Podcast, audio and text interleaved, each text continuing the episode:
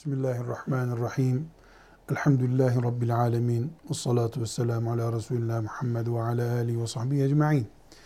Müslüman namaz kıldığı camiden çıktığında Allahu Teala'nın kontrolünde olmayan bir yere çıkmaz ki. Müslüman camide secde ettiği Allah sokakta da onu murakabe ediyor diyebilir.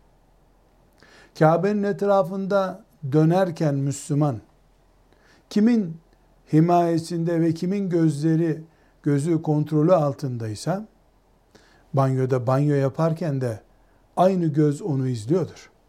Melekler bizi her yerde izliyor.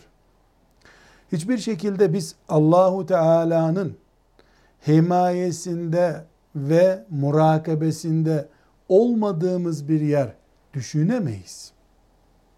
Sokaklar, caddeler, bisiklet kullandığımız, araç kullandığımız yerler Allahu Teala'nın melekleriyle bizi denetlediği yerler değil mi?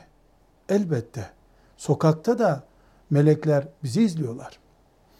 Trafik kurallarının Kur'an'da geçen ayetlerde bulunmayışı, Kur'an-ı Kerim'in deveden, attan bahsederken, taksiden, otobüsten, helikopterden bahsetmeyişi, trafik kurallarının İslam'la ilgisi olmadığını çağrıştırmaz. Trafik kuralları her şeyden önce insanlara ve diğer canlılara bir anlamda çevreye zarar vermeden dünya nimetlerinden birisi olan araç kullanmayı sağlamak için konmuş kurallardır. Trafik kuralı insana zarar vermemeyi sağlamaktadır. Bu zarar vermemede iki kişi var. Bir, araç kullanan kişinin kendine zarar verip vermemesi söz konusu trafikte. İki, araç kullanan kişinin trafikte başkalarına zarar verip vermemesi var.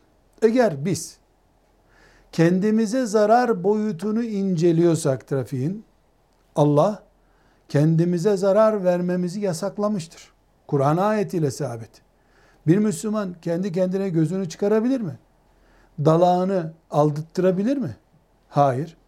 Eğer trafikteki hatamız kendi gözümüzün çıkmasına, kolumuzun kırılmasına neden olduysa, kol benim, kolu kıran benim diyemeyiz. Bunun hesabını sorar Allah.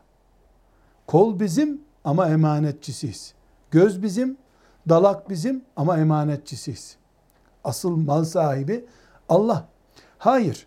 Trafikteki kural bir çocuğu ezmemek, bir çocuğun uykusunu bölmemek, trafikteki düzen bir canlının orada ezilmemesini sağlamak için ise kul hakkından büyük bir sorumluluk yok ki İslam'da. Kul hakkı sadece bir nalburdan boya çalmak mıdır? Bir galeriden arabayı çalmak mıdır? Kul hakkı insana zarar vermektir. Hatta hayvana zarar vermek bile bir hak türüdür. Eğer kurallar bizim kul hakkı ihlalimize karşı konmuşsa, kendi canımıza, bedenimize zarar vermemize karşı konmuşsa, bütün insanlardan önce Müslümanların trafik kurallarına uyması gerekir. Çünkü Müslüman kadar kul hakkından kendisi dahil bir cana zarar vermekten çekinmesi gereken kimse yoktur. Bu kuralları mesela zalim İsrail devletinin koymuş olması bile bir şeyi değiştirmez. Çünkü kuralı kim koyarsa koysun bu insan içindir. İnsan mükerremdir. İnsana zarar veren hiçbir şeyi icra edemeyiz. Trafik kuralları Kur'an'da geçse de geçmese de Müslümanı bağlar. Çünkü Müslüman trafikte de Müslümandır. Velhamdülillahi Rabbil Alemin.